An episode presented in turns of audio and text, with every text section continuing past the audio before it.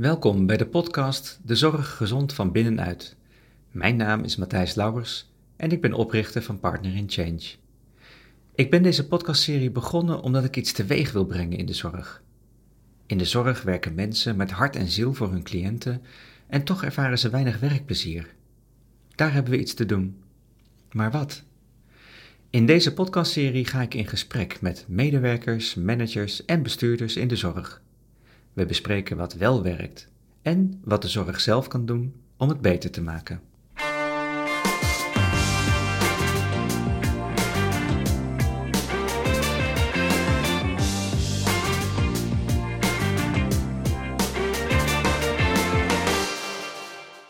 Nou, Ingrid, um, welkom eh, in mijn podcast. Ja, dankjewel. Leuk. ja. ja. Ja, we hebben er al uh, drie kwartier uh, fijn gesprek uh, op zitten. Dus we kennen elkaar inmiddels al, al heel erg goed. Dus ik ga gewoon tutoyeren als je dat goed vindt. Heel graag, ja. ja. Um, kun jij voor de luisteraars kort even vertellen wie jij bent en wat jij doet? Mijn naam is Ingrid Bosman en ik werk als regiomanager zorg bij Suplu, zorgorganisatie in West-Brabant, Breda en omstreken tot Moerdijk. En daar ben ik verantwoordelijk voor vier zorglocaties ehm, qua zorg en facilitair, dus integraal verantwoordelijk. Oké, mooi. En dat bevalt? Ik werk daar met heel veel plezier. Uh, inmiddels uh, doe ik deze baan zo'n uh, 4,5 jaar. En iedere dag leer ik weer veel en ben ik steeds weer gefascineerd door alles wat er gebeurt en ja, wat ik langs zie komen. Dus verveel me geen seconde. Heel goed. Ingrid, wij zijn met elkaar in contact gekomen uh, omdat jij een e-book van mij had gelezen over de, nou, de uitdagingen en oplossingen in de zorg. Uh, en je reageerde met, ik heb hem gelezen met veel herkenning. Ja. Uh, wat, wat is het wat jij in je dagelijkse praktijk herkent?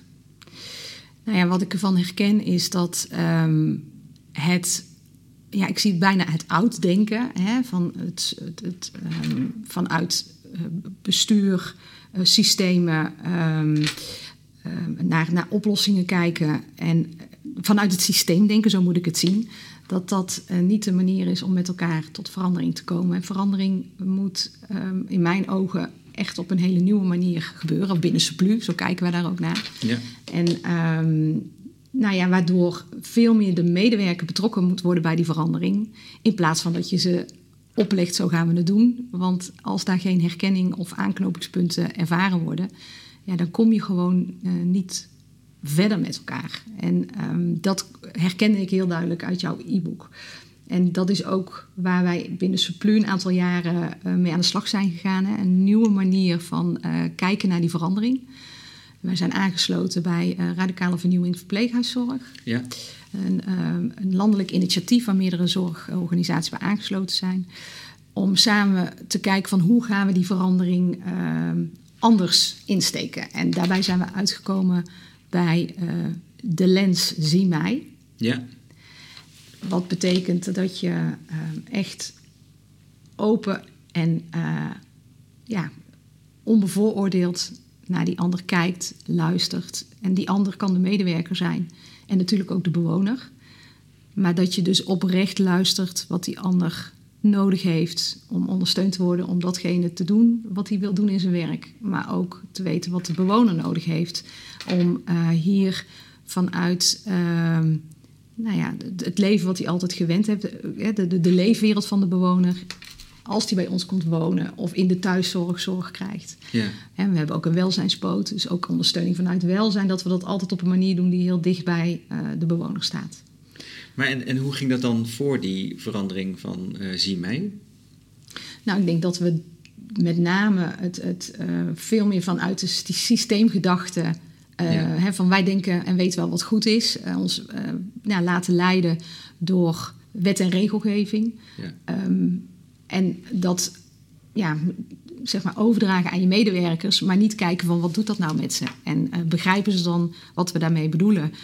Um, dus veel meer vanuit die gedachte en niet altijd stilstaan bij, de, ja, bij het proces, wat dat voor iemand betekent.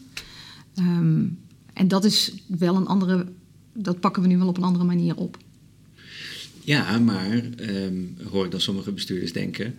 Uh, het is ook een, een, een systeemwereld. Hè? Dus in ons voorgesprek zei je ook, wij zijn, wij zijn ook op een bepaalde manier opgevoed. Er is sprake van inspectie, er is sprake van toezichthouders en, en, mensen aan wie je verantwoording moet afleggen. En vaak zijn de marges dun. Dus ja, je hebt wel een, een organisatie te runnen met gemeenschapsgeld. Uh, dus je moet af en toe scherp aan de wind varen ja, je kunt niet elke keer de medewerker vragen van... goh, en wat vind je precies van die maat? Het moet gewoon gebeuren, toch? Ja. Hoe, hoe combineer je dat? Ja, nou ja, daar heb je absoluut gelijk in. En dat gaat over de basis op orde. Hè. Tuurlijk wil je een gezonde organisatie zijn... en uh, een goede, uh, uh, verantwoordelijke zorg leveren... is dat wel degelijk belangrijk. Maar het is belangrijk dat je dat in gesprek met elkaar doet. En dat je ook uitlegt waarom dat een bepaalde richtlijn... als het gaat om medicatieveiligheid of hygiënepreventie... waarom dat, dat nodig is... En dat je samen kijkt van, ja, maar en hoe denk je dat op jouw afdeling vorm te gaan geven? Dus binnen de kaders ruimte geven aan medewerkers om zelf mee te denken hoe ze dat willen doen. Maar natuurlijk uh, zijn die kaders daarin heel belangrijk. Die zijn er niet voor niets. Maar niet klakkeloos vanuit het systeem het opleggen en zo gaan we het doen. Maar het zit hem veel meer in het meenemen van medewerkers, um, van onze zorgmedewerkers. En dat doen we bijvoorbeeld, dat is een mooi, mooi voorbeeld hoe we, hoe we dat op afdelingen uh, concreet inzetten, door kwaliteitsteams uh, per afdeling in te zetten. Daar zijn ze zelf ook mee gekomen. Hè. Dat is niet iets wat we hebben opgelegd, maar dat is een idee vanuit de werkvloer. En daar zitten medewerkers van het team in. De kwaliteitsadviseur van onze organisatie zit daarbij. Een kwaliteitsverpleegkundige. En samen kijken ze iedere zes weken van ja, wat, hoe staat het nou met de verschillende kwaliteitsnormen op onze afdeling? Wat gaat goed, wat gaat minder goed en waar vinden we dat er aandacht voor moet zijn? En daar hebben ze alle ruimte toe om daar met elkaar mee aan de slag te gaan. En natuurlijk hebben we ook wel eens audits om te kijken hoe het ermee staat. En vooral die afdelingen die het dan heel goed doen, die, die, uh, daar, daar zetten we de spotlights op. Om te kijken hè, van nou, dit gaat goed, wat kunnen anderen daar dan weer van leren? Dus ook veel meer dat het iets dat het energie geeft in plaats van dat mensen alleen maar die druk voelen van uh, de richtlijn die opgelegd wordt. Ja, dus, dus eigenlijk het wat, dat staat niet ter discussie. Als het moet gebeuren, dan moet het gebeuren. Maar het hoe, hè, dus hoe willen medewerkers daar dan invulling aan geven, dat laat je nu veel meer bij de medewerkers. Ja. Dat is een onderdeel van, van het uh, zien mij. Ja, het is het, dus het proces inderdaad. Waar je je veel minder richt op uiteindelijk de output en de controle. Maar het gaat hier ook om vertrouwen um, en in de, de professionaliteit van de medewerker. Maar daarin moet je wel toetsen of datgene wat van ze verwacht wordt, of ze dat ook begrijpen en of ze het herkennen. En uh, ik denk dat dat met name belangrijk is. En dat doen we. En dat is dus het proces. En als je daar heel veel tijd en energie in steekt, uh, ruimte ook met elkaar uh, creëert in een stuk reflectie. Wat vind je dan lastig? Wat kom je dan bij jezelf tegen? Ja. Want dat is het vaak ook. Hè. De richtlijn uh, staat soms haaks op het welzijn van een bewoner. Of wat bij een bewoner past of wat een bewoner belangrijk vindt. En dat kan soms stroken ook, of niet stroken, zo moet ik het zeggen, met een waarde die je zelf hebt. Nou ja, creëer ruimte om ook met elkaar daar het gesprek over te voeren. En wij noemen dat ook wel de dilemma's in de zorg bespreken. Om te leren en te kijken van wat doet dat nou met mij? En uh, ja, wat heb ik daarvoor nodig om er toch invulling aan te kunnen geven? Die, die begrijp ik helemaal. Um, uh, en en uh, waarom zou je dat doen? Zeg maar, wat levert het op om het op die manier te doen? Dan um, wat het oplevert is dat het van mensen zelf wordt. Hè? Dus ik geloof er heel erg in dat verandering en borging van de verandering uh, pas gebeurt als mensen zichzelf zichzelf erin herkennen, dat het intrinsiek wordt. En niet dat ze het doen omdat het zo nodig moet van een inspectie of een bestuurder. Nee, ik, ik doe dit omdat ik zie wat het oplevert voor de bewoner waar ik die zorg aan geef. En um, dan gaan mensen ook meer werkplezier ervaren, omdat het iets is wat ze zelf mee bedacht hebben. Ja. En um, ja, dus dat levert het op. En dat maakt ook dat je als, bijvoorbeeld als manager van zo'n afdeling moet uh, afleren. Dat hebben sommige managers ook moeten afleren om de, de redder te zijn daar waar medewerkers het soms lastig vinden. Door te zeggen van nou, dan neem ik het wel van je over bijvoorbeeld. Of dan hoef je het niet meer te doen. Um, of, of, of ik ga de oplossing voor je bedenken. Nee, je probeert veel meer uh, coachend te kijken van ja, maar wat heb je dan nodig? Waarom vind je het zo moeilijk? Uh, en waar kan ik je in ondersteunen om het dan anders te doen? Maar dan wordt het ook echt van die medewerker uh, hoe ze daar vervolgens weer invulling aan gaan geven. Dus dat vraagt ook iets van de stijl van leidinggeven van managers. Ja, En die stijl van leidinggeven, uh, die, die zou dus, uh, je zou graag willen dat die dan meer verandert, of daar zijn jullie mee bezig, dat die verandert naar de, naar de meer de dialoog opzoeken. Precies. En ook echt openstaan voor hoe de ander het beleeft. En dus ook de, ik kan me zo voorstellen, de rust voelen om daar ruimte aan te geven. Ja. Ook als het af en toe hartstikke hectisch is, of het moet gewoon gebeuren, ook dan dat lijkt me eigenlijk best wel lastig. Ja, dat is het ook. En natuurlijk uh, wil je dat, dat stimuleer je. Hè. Wij, we, we, zijn ook aangesloten bij organisatie Vilans, die, die uh, het, het, de gesprekken rondom de dilemma's uh, in de zorg uh, ja, door ons in ondersteunt en met ons meedenkt. En daar gaat hij vaak wel soms schuiven of, of ja, dat dat wat wringt. Omdat managers zeggen, ja, maar we hebben het zo druk en we hebben daar de tijd niet voor. Ja. En ondanks hadden we het in het, ons managementteam met elkaar over dat het eigenlijk best gek is dat reflecteren op zo'n uh, intensieve zorg en ervaring die medewerkers iedere dag weer zien, dat dat uit eigenlijk onze werkproces is gehaald. Want we moeten maar door, hè? druk, druk, druk. Um, maar wat nou als we daar eens heel bewust wel tijd voor gaan inruimen om het onderdeel te maken van dat werkproces, omdat we het voorwaardelijk vinden om goede kwalitatieve zorg te kunnen bieden. En dat betekent dus dat we steeds meer met, uh, of tenminste dat managers stimuleren in teams om daar wel degelijk de tijd en ruimte voor te pakken. En uh, gaat dat al overal hartstikke goed? Nee, natuurlijk niet. Dat is iedere keer weer met elkaar opnieuw um, ons daar bewust van worden en die tijd en ruimte creëren. En als we dat doen, dan merken we uiteindelijk dat het uh, tijd oplevert. Omdat um, bijvoorbeeld het goede gesprek met een familielid voeren die in eerste instantie als lastig wordt ervaren, hè, omdat hij zoveel vragen stelt, of nooit tevreden is, of altijd moppert, of steeds die verzorgende wil uh, spreken. Daar zit iets achter. Nou, in zo'n dilemmabespreking gaan we kijken wat is hier aan de hand. En als uiteindelijk, uh, hè, dan zeg je van nou ga, dat goede gesprek nou eens aan. Om eens te kijken wat zit daar nou achter, wat, puzzelt die familie uh, en waar kunnen we ze daarin ondersteunen. Als je dat aan de voorkant veel meer doet, levert je op, het, op de aan de achterkant meer tijd en ruimte op. Omdat je dan heel veel weghaalt wat je vrij makkelijk kan oplossen. Waardoor zo'n familielid gehoor, zich gehoord en gezien voelt. En misschien niet meer steeds aan die knop uh, van die bel trekt, omdat hij weet van uh, ja, het is voor mij, het is opgelost of we, we verstaan elkaar en, we, en, en, dat doet iets met vertrouwen. Ja. Dus ik wil maar zeggen, als je daar goed met elkaar bij stilstaat en tijd en ruimte neemt, levert het je altijd tijd op. Dus het is ook een beleving, we hebben er geen tijd voor. Ja, nou je zei iets heel moois, maar je zei het bijna in een bijzinnetje. En ik wil het toch even uitplukken, want je zei van nee, ja, maar op het moment dat we zeggen, maar het is randvoorwaardelijk voor het kunnen leveren van goede zorg, dan krijgt het automatisch prioriteit om wel die rust te nemen, wel dat goede gesprek aan te gaan. Ja. Uh, maar maar uh, de verleiding is groot om toch de, de, de, hele korte tijd leidend te laten zijn en dan maar gewoon snel door te gaan. Maar je zegt nee, maar we hebben het een randvoorwaardelijk gemaakt voor het kunnen leveren van goede zorg. Dus we moeten er aandacht aan besteden. We moeten het die ruimte geven die, die we vinden dat het verdient. Juist, ja. Juist vanwege ehm, datgene wat medewerkers dag in dag uit meemaken. Maar ook met elkaar als collega's hè, in een team het zijn allemaal verschillende mensen. Hè? Er zitten in een team twintig uh, individuen gemiddeld. Met allemaal eigenwaarden en normen, andere inzichten, andere uh, rugzakjes die ze meenemen. Dus het kan niet anders in zulke cruciale situaties waarin je komt, uh, waar het echt toe doet voor onze bewoners, hè, vaak in de laatste fase van hun leven, dat dat frictie geeft met elkaar, dat dat botst. Ja. Nou, als je daar geen aandacht aan geeft, dan ehm, ja, ontwikkelt zo'n team zich ook onvoldoende verder met elkaar, waardoor het alleen maar erger en zelfs ziekmakend kan worden. Zo, dat durf ik zelfs te stellen. Dus ik denk dat uh, uh, op alle fronten dus heel uh, veel gaat opleveren als je als organisatie echt faciliteert dat daar veel meer tijd en ruimte voor komt. Ondanks die werkdruk die er is. Je, je, noemt het woord ziekmakend. Ja. Kun je daar iets meer over zeggen? Wat bedoel je daarmee? Ik uh, geloof erin dat um, er uh, door um, ja, moral stress noemen ze het ook wel op de, op de werkvloer. Mensen uiteindelijk in een burn-out bijvoorbeeld terecht kunnen komen. Of echt overvraagd worden op hun werk. Waardoor ze uh, uit kunnen vallen tijdelijk of soms zelfs ook langdurig. En dat is natuurlijk wel eens, dat is in combinatie met ook mogelijk een thuissituatie of uh, andere factoren die meespelen.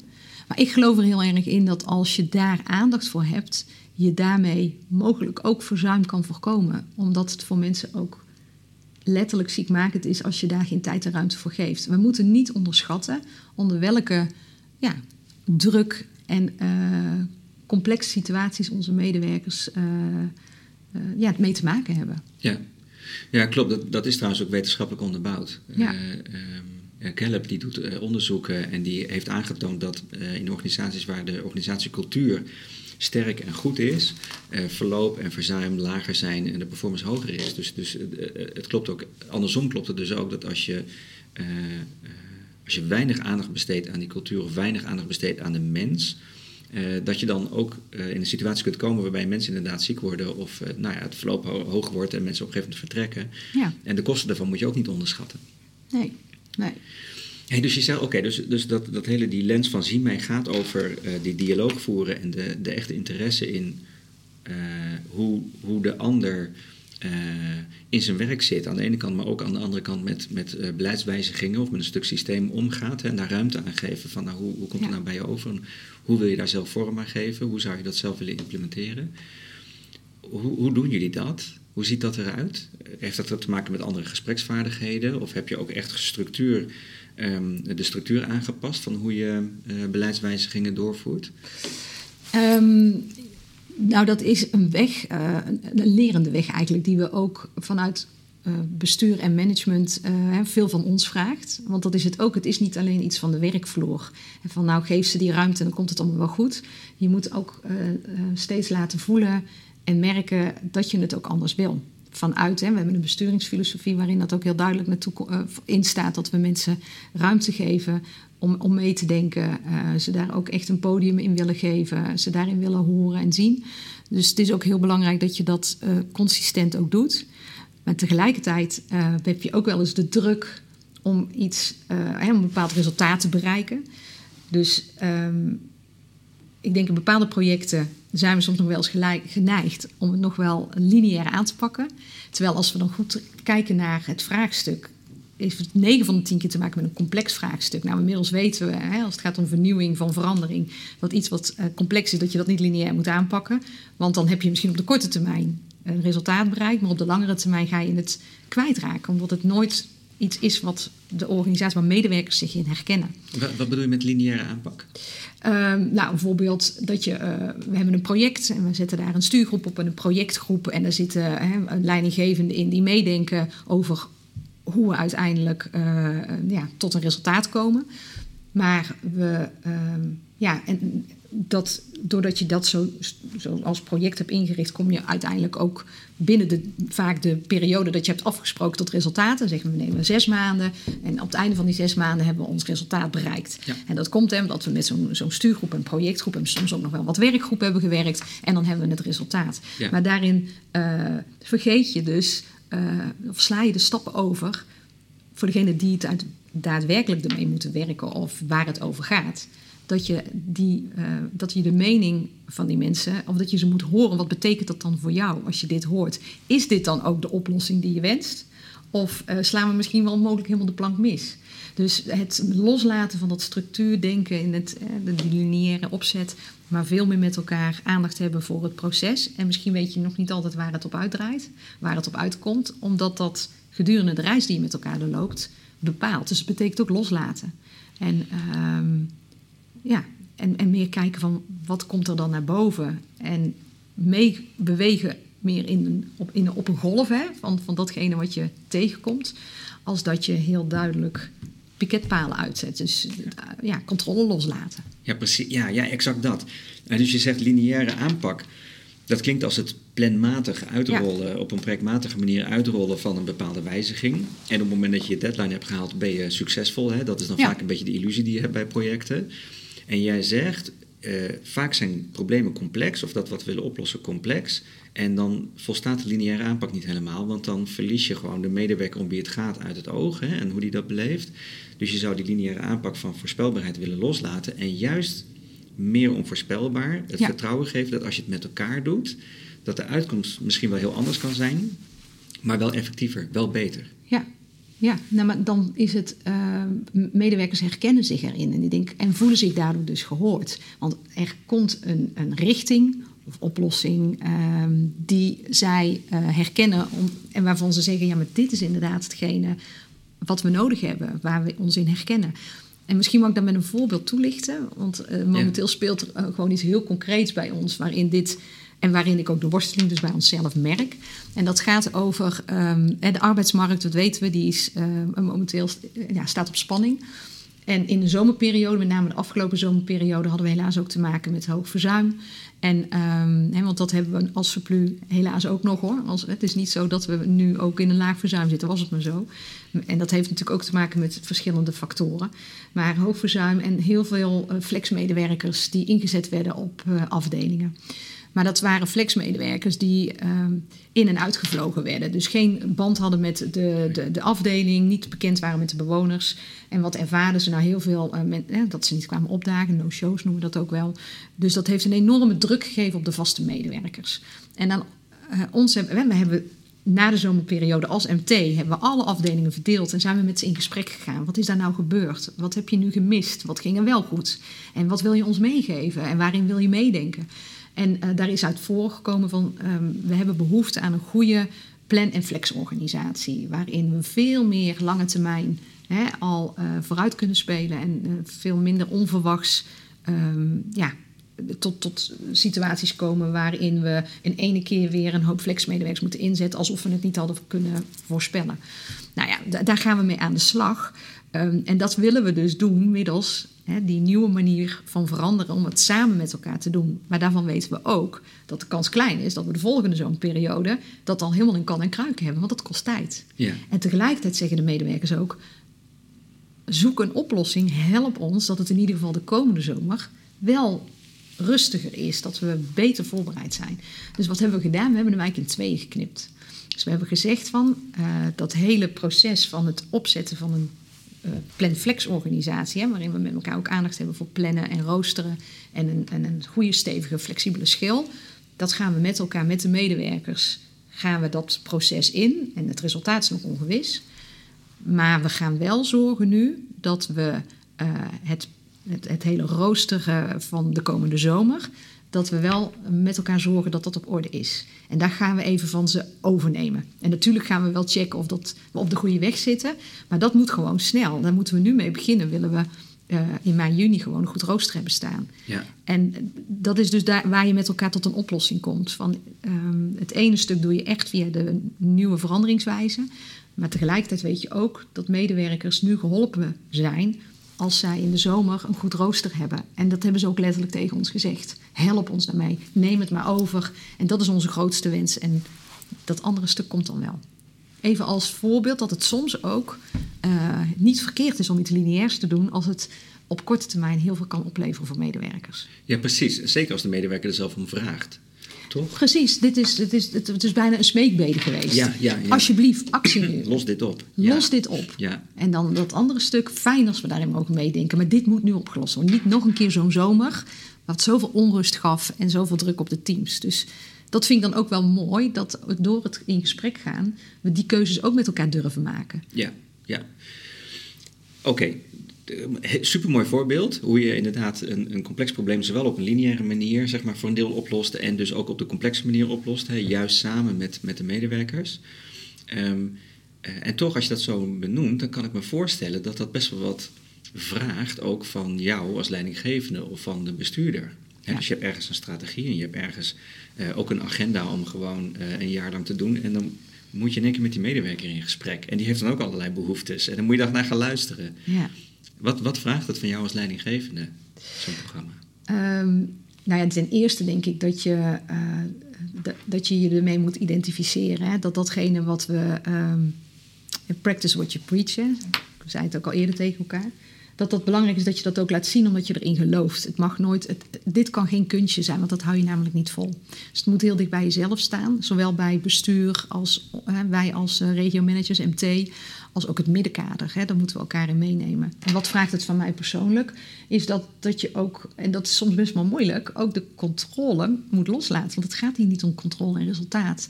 Uh, het gaat veel meer over um, um, ja, het, het proces aan zich. En dat betekent dat je soms ook uh, bepaalde deadlines uh, los moet laten, omdat dat eigenlijk helemaal niet van belang is. Want gedurende die reis die je met elkaar aflegt, bereik je ook al resultaten. Hè? En daar eens even bij stilstaan en die koesteren. Dus het is een bepaalde, het is een beweging die, die je met elkaar doormaakt. Ehm, maar het betekent ook dat je dicht bij de mensen moet staan. Ehm, dus je kan dat nooit op afstand doen. Onze bestuurder zit aan tafel uh, bij medewerkers, bij vraagstukken die ze hebben, ehm, dilemma's die ze tegenkomen. En natuurlijk niet bij iedere situatie, dat kan ook niet. Maar daar ja, waar het eh, op dat moment misschien nog eens extra aan de orde is, dan is die bestuurder. Daar waar het extra schuurt en moeilijk is, uh, is, is, het zijn twee bestuurders, zijn ze ook allebei heel benieuwd wat speelt er nou op die werkvloer. En daarbij denk ik dat het heel belangrijk is dat wij ons ook kwetsbaar opstellen. En dat we ook aangeven dat wij ook niet altijd de oplossing weten, hè? of alles wetend zijn. Want wij zitten ook in dat veranderproces. Ja. En um, doordat je dat doet, je deur daarvoor openstelt, en uh, kiest voor datgene waar het daadwerkelijk over gaat. Want we hebben allemaal een ramvolle agenda, nog steeds, met allerlei teamsvergaderingen. Dat zal iedereen wel herkennen, want alles gaat ook wel gewoon door. En soms is er die manager of die medewerker die het moeilijk heeft en uh, die juist ja, met, met, met iets puzzelt of met iets zit, dat je dat ook hoort, herkent en daar dus aandacht aan geeft. En uh, dat betekent dus soms ook heel bewust iets in je agenda dan maar even schuiven, omdat dit hetgeen is waar het daadwerkelijk om gaat. Dus dat uh, vraagt het, vind ik, van uh, bestuur en management om, uh, om daar dus in mee te gaan. En wat ik soms zelf daarin lastig vind, is dat als ik met mensen in gesprek ben, hè, met medewerkers van de werkvloer, ik probeer om met een bepaalde regelmaat daar gewoon eens even een kop koffie te drinken bij het team, om gewoon eens te horen wat er speelt dat ze dan heel erg worstelen met hogerhand nog steeds. Hè, waarvan ik ook zeg, ja, ja. Ah, dat ben ik. Dus richt je alsjeblieft naar mij en vertel dan wat je dan mist of waarin je je niet herkend voelt. Dus we kunnen wel heel veel willen in die beweging, maar inmiddels merk ik ook dat dat tijd vraagt. Geduld, uh, consistent blijven, blijven geloven in datgene waar we met elkaar voor staan. Um, maar dat dat nog wel een lange weg is. En die olievlek onder die medewerkers die dat langzaamaan gaan herkennen, die wordt steeds groter.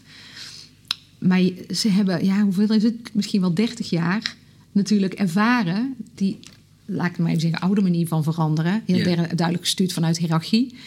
Dus wij trappen wel eens nog in die valkuil, wel als managers en bestuur. Mijn medewerkers ook. Van ja, het zal wel niet kunnen. Of mijn stem zal wel niet gehoord worden. Of het is uh, alleen maar een geldkwestie. En dat horen en daarover het gesprek met elkaar voeren daar, daar heb ik wel vertrouwen in dat we uiteindelijk daar stappen in gaan maken. Maar het is een cultuuromslag, een, een verandering die jaren duurt. Maar iedere stap die we zetten en iedere medewerker die het herkent en niet bijvoorbeeld iets heel trots post op LinkedIn, hè, dat hij echt die verandering voelt, ja, dan, dan daar word ik heel blij van. En dat geeft mij extra vertrouwen in de toekomst dat we op de goede weg zijn. Ja, natuurlijk. Als medewerkers het gaan posten, is dat een bevestiging dat je op de goede weg bent, natuurlijk. Precies. Ja. Maar dat gaat dus niet zomaar. Want nog heel even terug, hè. je zegt ja, wat van mij als leidinggevende vereist en ook van de bestuurder, is de, dat ik dus uh, mijn, mijn um, soms nog reflex van willen uh, controle, willen kunnen beheersen, ja. moet loslaten en echt vertrouwen moet geven. Uh, en ook die kwetsbare opstelling. Ja. Um, en als ik dan even naar mezelf kijk, ik heb twee jaar coaching nodig gehad om controle los te kunnen laten en me kwetsbaar op te stellen. Het was in ieder geval voor mij niet zomaar wat. Dus uh, hoe doe je dat? Dat kunnen hele diepe overtuigingen zijn voor jou en je collega's om dat echt los te laten. Hoe, hoe, hoe hou je jezelf daar en, en anderen daar scherp op? Hoe ontwikkel je dat? Um, op meerdere manieren. Uh, maar wat een heel belangrijke inter of interventie, uh, wat, wat, wij hebben ingebracht binnen een organisatie, zijn onze pleisterplaatsen. En dat is een soort, een soort van, het zijn intervisiegroepen van allerlei leidinggevende, middenkader, bestuur en uh, hoger management, om het zo maar te zeggen. Die zijn gehusseld, dus die zitten gemengd met elkaar in groepen van ongeveer zeven personen. En iedere zes weken treffen we elkaar. En uh, met een coach die ons daar ook in steunt, om te kijken steeds van wat is nou die besturingsfilosofie en wat vraagt dat nou in jouw stijl van leiding geven. En waar herken jij dan jouw krachten? Wat, wat gaat je makkelijk af? En wat vind je moeilijk? En hoe kun je elkaar nou helpen om die uh, kracht die je hebt te gebruiken om ook je ontwikkelpunten te versterken? Want dat betekent niet dat je een direct een andere persoon moet worden natuurlijk, maar wel dat je jezelf kan ontwikkelen op datgene wat je moeilijk vindt. En uh, dat doen we ook in buddyschap. Dus ik heb ook uh, vanmiddag toevallig weer een gesprek met haar om met elkaar dus ook daarop te reflecteren en op situaties te kijken die je hebt meegemaakt dat je denkt toen heb ik hem weer even laten gaan. Of ehm, ik merkte dat ik dat het me heel veel deed, of dat ik het moeilijk vond. Hoe kwam dat nou?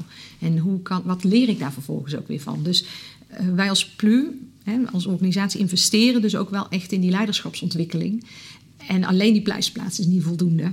Uh, het, het, moet terugkomen in je ontwikkelgesprekken die je hebt met je leidinggevende. Ik dan hè, met mijn middenkader. Ja. Um, um, en, en, ik ook weer met mijn bestuurder. En dat er steeds weer ruimte is om met elkaar de tijd te nemen om uh, datgene wat in de organisatie gebeurt, om daarop te reflecteren met elkaar. En eens te kijken, wat doet dat nou met mij als leidinggevende? Waarom vind ik dat zo moeilijk? En het mooie is, is dat we als leidinggevende allemaal anders zijn. En we allemaal weer andere kwaliteiten hebben waar we elkaar scherp op mogen stellen. Maar dat gesprek voeren daarover doen we. En daar, uh, ik leer daar weer iedere dag van. En uh, ben niet te streng op jezelf. Van, oh, ik doe het nu niet goed. Want het is niet goed of slecht. Het is gewoon steeds anders vastpakken en op een andere manier naar kijken. En ik ben nu weer verder dan een half jaar geleden. En ik weet zeker dat ik over een half jaar weer terug kan kijken. Ik denk, oh, maar dit heb ik er nou wel weer uit meegenomen. En dat maakt dat je daarin steeds meer groeit. Zolang je er maar voor open staat. En nogmaals, wat jij zei, je kwetsbaar opstelt. Dat je moet leren. En dat je nooit uitgeleerd bent.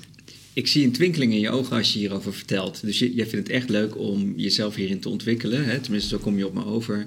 Je bent echt enthousiast. En, maar ik kan me ook voorstellen dat het af en toe gewoon ook rete moeilijk is en spannend is en confronterend is en uit je comfortzone is. Ja. Dus het klinkt alsof jullie als, als leidinggevend kader uh, hard aan het werk zijn om deze verandering te laten slagen. Hè? Dus het, het, het, vraagt veel van jullie, maar daar, daar zet je ook hart en ziel voor in. Wat vraagt het van de medewerker om zo'n verandering in te gaan en door te maken? Um, zich open te stellen ook. Um, En uh, te luisteren. Um, en op het moment dat je iets ergens niet mee eens bent of uh, je vindt iets moeilijk, dat je daar dus de tijd en ruimte voor neemt om het ook aan te gaan en je daar niet voor te sluiten. Want op het moment dat je die deur dichtgooit en je gaat, dat, uh, gaat daar niet over in gesprek, dan komen we daar ook nooit met elkaar. Nee. Dus ik denk wel dat het heel belangrijk is dat medewerkers zich open durven en kunnen stellen om, uh, om het daar met elkaar over te hebben. En ook uh, te willen leren daarin. Um, en vertrouwen te hebben in elkaar. Hè, dat je uiteindelijk daar ook stappen in maakt. Maar ook het vertrouwen hebben dat wij vanuit onze rol als managers um, daar het beste met elkaar in voor hebben. Dus even, ja, onbevooroordeeld is gewoon echt luisteren. Uh, waarom, hè, wat, wat de richting die we met elkaar inslaan, wat die, wat die betekent. Ja. En daarbij jezelf ook terug, terugkijkend van wat betekent het nu voor mij. Dus ik denk dat dat wel heel belangrijk is, uh, dat, je, dat mensen zich wel openstellen en uh, kritisch op zichzelf durven te zijn, maar ook op hun collega op een manier die uh, veilig voelt. En dat is natuurlijk meteen wel een hele lastige, want dat vraagt ook iets over communicatieve vaardigheden. Hè, hoe geef ik nou feedback? En uh, hoe zorg ik nou dat het is waar mijn collega wat mee kan, zonder dat ik ze er meteen onderuit haal. En natuurlijk gebeurt dat wel eens. Ik bedoel, het is, het is echt niet uh, Hosanna. Um, en dat is juist dan weer die rol van de leidinggevende. En we hebben ook uh, die ook een beetje de ogen en oren zijn. Want een leidinggevende is natuurlijk niet altijd in dat uh, zorgproces. Om eens te voelen, wat gebeurt hier nou? En in situaties dat er een conflict ontstaat, dat bespreekbaar maken. Nou, maar verwacht ik van die medewerker dat hij zich daarvoor openstelt. Ja. Pas dan kom je, ga je verder met elkaar. Um, dus ik denk dat vooral. En ja, het liefst uh, wat, wat ik heel fijn zou vinden, is dat medewerkers actief gaan meedenken. Omdat ze iedere keer erin beloond worden dat dat meedenken er mag zijn. En ja, dat dat meegenomen wordt in de dingen die we met elkaar uh, vervolgens weer inzetten. Ja, oké. Okay. Um, en, en hoe gaat dat? dat uh, zeg maar door de medewerker zich, zich openstellen voor die verandering en zich ook kwetsbaar opstellen? Lukt dat? Um, dat stap voor stap en het, is wat ik al zei, die olievlek. Um, en die medewerkers die hun nek durven uitsteken, die moet je ook belonen daarin. Ik denk dat het vooral belangrijk is om je energie te stoppen in de mensen die, die het lijken te gaan snappen, hè, of die het snappen. Ik heb één mooi voorbeeld, een medewerker uh, van een locatie die, um, die zoiets had van. Uh, als mede of bewoners uh, wat stijver worden hè, in, in de motoriek, ja. dan is het heel moeilijk om ze aan en uit te kleden. Nou, naast haar opleiding als uh, verzorgende heeft ze ook als hobby uh, coupeuse. Zij zei, goh Ingrid, kunnen we niet eens een project uitproberen, zie mij kledij. Dus zij heeft natuurlijk bij haar leidinggevende gemeld, mag ik bij Ingrid dat eens opperen of we dat op kunnen zetten. Ja, zo ontzettend mooi. Ze heeft samen met de kwaliteitsadviseur al een heel plan uitgewerkt hoe dat er dan uit moet zien en hoe ze daar zich voor in wil zetten en welke uren ze daarvoor nodig heeft. Ja, dan weet je, daar kan ik alleen maar heel blij van worden. En denk ik, dit soort initiatieven omarm dat. Natuurlijk kijk je ook met elkaar. Het moet ook uh, van, gaat dit werken? Wat heb je ervoor nodig? Maar laat medewerkers dit gewoon doen. En uh, ja. dus zorg dat deze kleine uh, vlammetjes dat dat um, ja, mag, mag, mag gaan vlammen uh, en mag gaan groeien. En als je daar uiteindelijk uh, dus de ruimte voor geeft, dan gaan andere mensen dat ook zien. En uh, hoop ik dat er ook steeds meer initiatieven komen. Nou, en ik geloof dat er zo echt al wel tientallen initiatieven zijn op 13 locaties en een grote thuiszorgpoot en welzijnspoot die wij hebben, waarin er steeds meer van die vlammetjes naar boven komen. En zet dat ook vergroot dat ook en deel daar met elkaar. Precies, in. ja, ja, geef dat een podium, ja. maak het zichtbaar, maak het groot. Ja. Nou ja, en dat herken ik. We hebben een intranetpagina, Spot heet die. En dagelijks staan daar van dit soort succesverhalen op. En uh, dat kan ook heel klein zijn in een geluksmomentje wat je met een bewoner hebt. En dat je, hè, dat je dat hebt ingezet en dat je dat hebt gezien als medewerker. En dat je daar trots op bent. Of iets wat je een medewerker of een bewoner in de wijk die uh, geholpen wordt om langer thuis te wonen door een intensieve samenwerking tussen onze zorglocatie, de thuiszorg en welzijn. En dat medewerkers daar trots op zijn en dat met elkaar delen. Uh, en ook dat delen in de organisatie. Ja, weet je, dat soort dingen, daar, dat, dat maakt het verschil. En dat gaat zorgen dat die groep steeds groter wordt. Daar heb ik wel heel veel vertrouwen in. Ja, dat denk ik ook, joh. Dat denk ik ook. Um, jullie zijn nu een jaar of vier, vijf bezig, hè? Ja, 2016 zijn wij uh, echt wel gestart in die, uh, met radicale vernieuwing. Ja. En, en hebben we ook samen met de medewerkers de metafoor Zie mij bedacht. Hè? En, en ook de, het, het beeld daarbij, dus de lens van Zie mij. Um, ja, dat is nu, we zitten nu in 2022, hè, dus dat is nou zo'n jaar of 4,5, 5 denk ik dat we daarmee bezig zijn. Oké. Okay. En welke, welke resultaten zie je nu uit, de, uit die afgelopen periode? Um, dat we um, dat met name ook de, de afstand tussen uh, bestuur en management en de werkvloer, dat die verkleint. Dat merk ik ook, oh, dat mensen me ook bellen, mailers naar me toe komen uh, om iets te delen waar ze trots op zijn of waar, hè, of, of waar ze tegenaan lopen. Um, dus ik zie steeds meer uh, medewerkers die meedenken en uh, zich laten zien in nou ja, allerlei uh, vraagstukken waar we mee te dealen hebben. Dus, um, en en ga daar, zijn er ook kritisch op. Hè? Van ik wil daarover meedenken, want dat is toch hetgene wat we willen met elkaar. Uh, ja. Dus zelf daarin meer voor zichzelf opkomen, meer van zichzelf laten zien. Um, en dat is op de werkvloer. En dat, dat gaat nog stap voor stap. Dus dat is nog niet in grote getalen. Dat, ben, dat gebied de eerlijkheid echt wel te zeggen. Dat je toch merkt dat dat Uh, je komt natuurlijk van een hele andere cultuur en dat, dat tijd nodig heeft. Maar ik merk wel ook heel erg bij uh, bestuur en management dat we elkaar daar steeds kritischer op bevragen. Bij ieder onderwerp wat bij ons op de agenda komt, leggen we eigenlijk onze besturingsfilosofie naast. Van als we dit nou gaan doen, in hoeverre beantwoordt het daaraan? En uh, als dat niet zo is, ja, dan zijn we er dus nog niet. Dus dan moeten we daar opnieuw nog naar gaan kijken. Um, en of even tussendoor eens een uurtje met elkaar teamen van hey, ja, het is het nog niet helemaal. En waarom, wat missen we hier nou nog in? En ja, dat mag af en toe wel eens schuren. En daarin zijn we heel kritisch, want uiteindelijk hebben we steeds dezelfde bedoeling voor ogen. En daar groei je ook in met elkaar. Ja. En, en, kom je steeds een stapje verder. Dus die verandering zie ik ook. Als je echt kijkt naar harde cijfers, hè, uh, want dat is het ook, het verzuim, het verloop. Um, ja, dan moet ik helaas stellen dat dat nog niet is zoals we zouden willen. We hebben nog best wel een hoog verzuim, zit uh, ja, ongeveer rond de 10 procent. Ik vind dat hoog.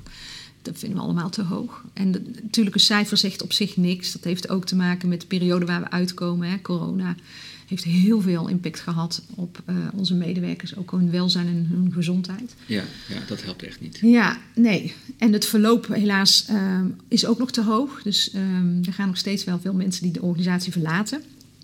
En hoeft ook niet altijd verkeerd te zijn, maar het is ook wel belangrijk om daar ook over het gesprek te voeren. Wat maakt nou dat mensen gaan? En ja, wat kunnen we daar dan aan doen? Um, om mensen aan ons nog meer te gaan binden. Dus um, ja, als je het puur sec daarnaar kijkt, hebben we wel eens dan tegen elkaar zeggen: Oh, doen we nou wel het goede? Hè? Of wat maakt nou dat dat stuk nog niet, uh, nou ja, uh, zeg dat, enorm verbetert? En toch, um, de kleine de kleine ontwikkelingen en succesmomenten die we zien. En wel dat die medewerker die bij ons blijft, echt bij ons blijft, omdat ze zich zo ja, gaan identificeren met ons als Suplu. Ik denk dat we daar de energie op moeten richten. En um, nogmaals, dan heb ik er heel veel vertrouwen in dat dat goed gaat komen. Wat goed zeg. Het, het, klinkt alsof het echt een way of working is geworden eh, eh, bij jullie. en in ieder geval bij het management en bij het bestuur. Waarbij je voortdurend toetst. Uh, de dingen die we doen, komen die nog steeds overeen met die besturingsfilosofie die we ooit hebben afgesproken? Hè? Zitten we nog op de goede weg? Jullie reflecteren ook heel erg veel. En je benoemt ook dat de, de betrokkenheid eigenlijk bij medewerkers aan het stijgen is. Dat ze jullie echt weten te vinden, dat die dialoog echt op gang is gekomen. Uh, ja, dus, dus dat, dat klinkt natuurlijk als fantastische resultaten. Ja. Nu al. Wat nou even ter, ter afsluiting, Ingrid. Hè? Um, uh, want nou ja, ik zou aan het begin al van, nou, we kunnen hier wel drie uur over praten. Je bent erg enthousiast en ik, dit, dit, is ook echt wel zo mooi waar jullie mee bezig zijn. De, de managers en bestuurders in, in uh, uh, VVT-organisaties die hier nu naar luisteren, wat zou je die willen meegeven? Waar zouden zij nou morgen mee kunnen beginnen om ook in hun organisatie zo'n soortgelijke verandering te starten? Ja, um, ik, ja, waar ik heel erg van overtuigd ben, is um, vul niet in wat, de werk, wat voor de werkvloer zou, uh, zou werken. Maar uh, ga in gesprek met je medewerkers. Ga naar ze luisteren. Ga eens een bak koffie bij ze drinken. Ben zichtbaar en ben oprecht geïnteresseerd in wat daar zich afspeelt. Wat, wat, wat mensen puzzelt, wat mensen bezighoudt. Ik denk als je daar gewoon eens mee begint, voor zover je dat al niet doet, dat je daar al heel veel ophaalt uh, en hoort. Um, wat je vervolgens ook weer meeneemt in um, nou ja, hoe je bepaalde veranderingen, vraagstukken aangaat. En um, datgene, stel steeds bij jezelf de vraag: dat wat we nu doen, is dat daadwerkelijk ook wat medewerkers nodig hebben? Ja, die, die vraag jezelf kritisch steeds stellen.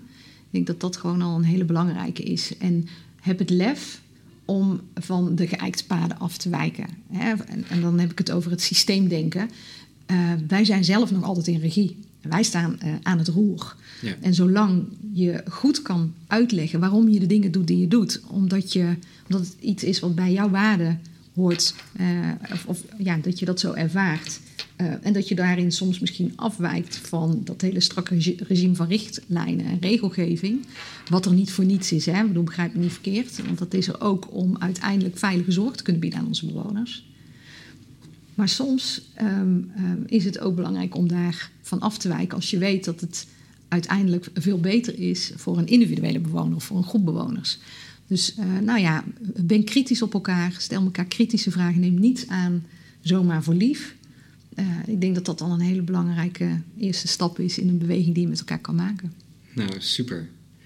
Super joh. Ik, um, ik, ik vind dit uh, voorbeeld waar we het over hebben gehad echt inspirerend voor veel zorgorganisaties in Nederland. Um, dus ik wil jou ontzettend bedanken voor het enthousiasme en ook de oprechtheid en, en de echtheid waarmee je dit hebt verteld. Hè. Dus ook de worsteling hebt uitgelegd, dat lang niet alles goed gaat en dat dat erbij hoort. Maar ook de dingen die al wel goed gaan. Um, en uh, ik wil je ontzettend bedanken voor dit gesprek en ik wens je ontzettend veel uh, succes en plezier uh, met het vervolg van je programma. Ja, ontzettend bedankt. Ik vond het een leuk gesprek. Fijn dat ik het zo kon delen. Super, ja, graag gedaan.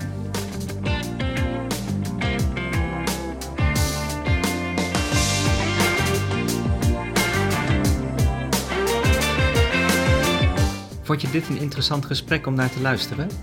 Abonneer je dan op deze podcast via iTunes, Spotify of je favoriete podcast app.